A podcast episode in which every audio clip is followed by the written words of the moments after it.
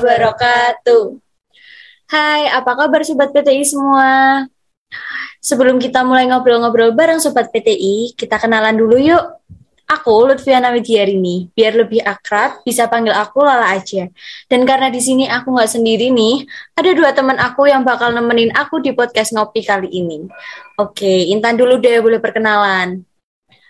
Oke, halo Sobat PTI, perkenalkan aku Intan. Di sini aku bakal nemenin Lala buat podcast ngopi kali ini nih. Selanjutnya, Santi bisa langsung kenalan aja. Halo guys, halo Sobat PTI semua. Kenalin nih, aku Rati Mega Sasanti atau biasa dipanggil Santi. Lala, Santi, Intan, di sini siap berbagi ilmu yang pastinya masih di podcast Ngopi, Ngobrol Pintar. Podcast Ngobrol Pintar kesayangan kita semua. Kita bakal nemenin waktu luang kalian dengan ilmu-ilmu yang bermanfaat terkait dengan proses pembelajaran informatika. Tapi sebelum kita mulai buat bahas isinya, aku mau tahu dulu dong kabar kalian gimana nih. Oke kan? Atau ada yang kurang oke? Alhamdulillah sih kalau dari aku sendiri sampai hari ini keadaanku masih oke dan masih sehat dan masih baik-baik aja. Alhamdulillah juga nih, aku masih dan insya Allah selalu oke. Kamu sendiri gimana nih, San? Alhamdulillah, aku juga oke. Oh ya, supaya sobat PTI makin akrab sama kita, boleh tahu dong di mana asal tempat tinggal kalian?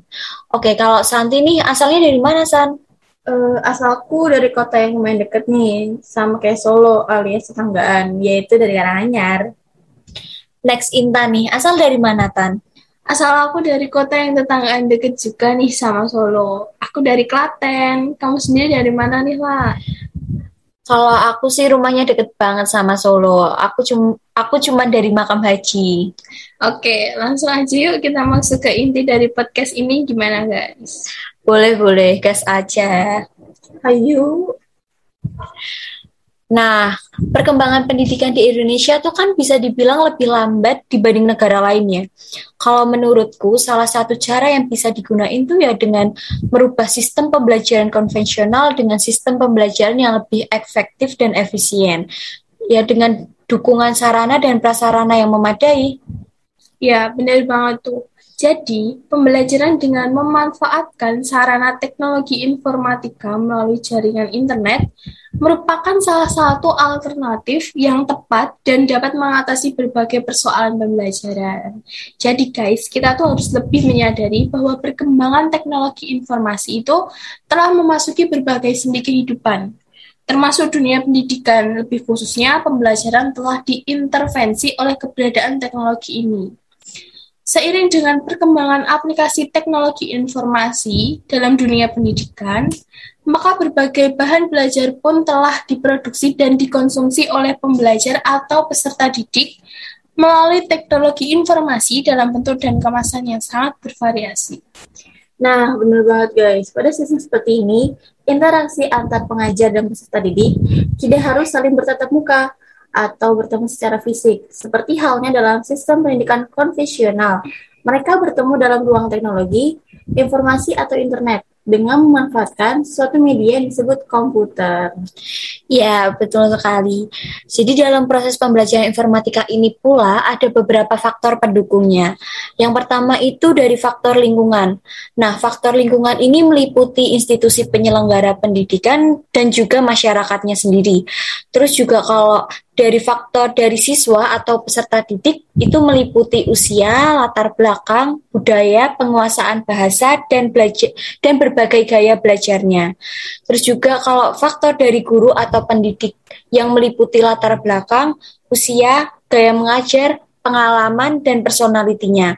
Dan yang terakhir itu faktor teknologinya yang meliputi komputer, perangkat lunak, jaringan, koneksi ke internet, dan berbagai kemampuan yang dibutuhkan yang berkaitan dengan penerapan internet di lingkungan sekolah.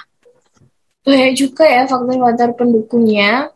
Um, kita sebagai peserta didik dan insya Allah menjadi peserta tenaga pendidik udah harus mulai memperhatikan itu semua ya guys. Tapi kalian tahu nggak sih apa aja dampak yang bisa muncul karena adanya pembelajaran informatika ini? Uh, apa ya? Mungkin kalau dampak positifnya itu ya teknologi informasi itu mempermudah kita dalam melaksanakan proses pendidikan, baik dalam penerapan pemahaman serta penguasaan di bidang pendidikan. Yang kedua itu teknologi adalah tolak ukur kemajuan. Terus pendidikan dapat dilakukan meskipun jarak fisik antara pendidik dan peserta didik berjauhan. Dan peserta didik juga mampu memperoleh materi pendidik yang lebih cepat. Wah, lumayan juga ya dampak yang muncul tuh benar-benar ngebantu proses kegiatan belajar mengajar kita. Tapi guys, biasanya kan kalau ada dampak positif pasti ada dampak negatifnya dong. Pastinya dong, dampak negatif tuh kayaknya udah sepasang sama dampak positif sih. Jadi guys, dampak negatifnya itu yang dia jadi nyebabin sikap malas karena kemudahan yang ada. Terus menjadi konsumtif karena teknologi informasi menyediakan hal yang serba instan. Jadi otomatis otomatis berpengaruh pada pikiran kita seakan-akan teknologi adalah kebutuhan primer yang kemudian berpengaruh pada lifestyle. Uh, selain dampak-dampaknya, kita juga harus bisa memanfaatkan teknologi dengan sebaik mungkin. Teknologi telah memuat banyak hal semakin mudah untuk dipelajari. Meskipun teknologi bisa memudahkan banyak urusan dan pekerjaan, kita juga harus tetap bisa memanfaatkannya dengan baik dong. So, pastilah dengan adanya teknologi sekarang, ini apa pun yang kita inginkan bisa kita dapatkan dengan mudah seperti dalam hal pendidikan. Kita bisa mengakses apa pun dengan mudah tanpa batasan.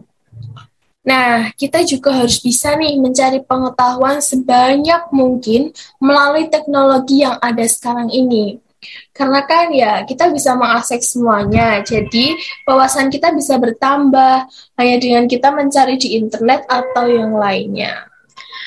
Nah guys, sekarang kan kita masih di masa pandemi ya, dan sekolah pun masih banyak yang menggunakan pembelajaran daring ataupun online. Nah, menurut kalian gimana nih supaya kita itu bisa memanfaatkan teknologi dengan baik untuk pendidikan di masa pandemi seperti ini? Tentunya harus bisa memanfaatkan dengan baik mungkin ya karena kan teknologi ini satu-satunya alat untuk bisa berkomunikasi ketika masa pandemi seperti ini. Bukan cuma itu guys, guru di masa pembelajaran daring seperti ini dituntut harus bisa menggunakan teknologi untuk bisa mengajar peserta didiknya juga. Bukan hanya guru, siswa juga dituntut menguasai teknologi informasi untuk mengikuti pembelajaran daring ini. Tapi nih, mungkin bagi sebagian guru dan siswa tidak kesulitan menggunakan internet dalam pembelajaran. Tetapi guys, bagi sebagian guru dan siswa yang masih gaptek akan menjadi masalah. Walaupun mereka sudah memiliki telepon genggam atau smartphone, notebook ataupun laptop, tapi belum pernah memanfaatkannya untuk pembelajaran daring. Kondisi ini yang kemudian memunculkan banyak masalah. Um, jadi gini ya guys, penguasaan teknologi informasi sekarang ini menjadi kewajiban bagi guru dan mahasiswa, bahkan orang tua juga.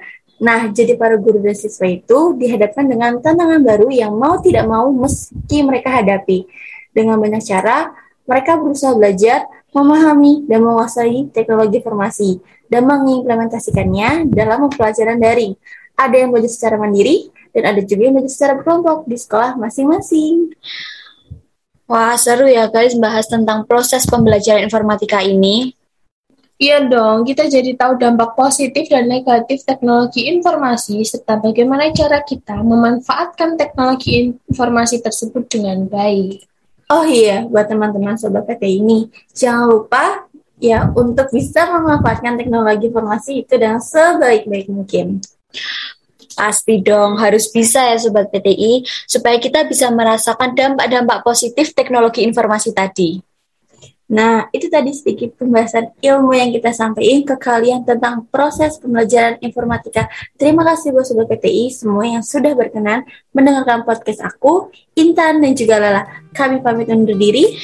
Jangan lupa nantikan episode-episode podcast ngopi yang lebih menarik lagi. Sekian dari kami. Sampai jumpa. Wassalamualaikum warahmatullahi wabarakatuh.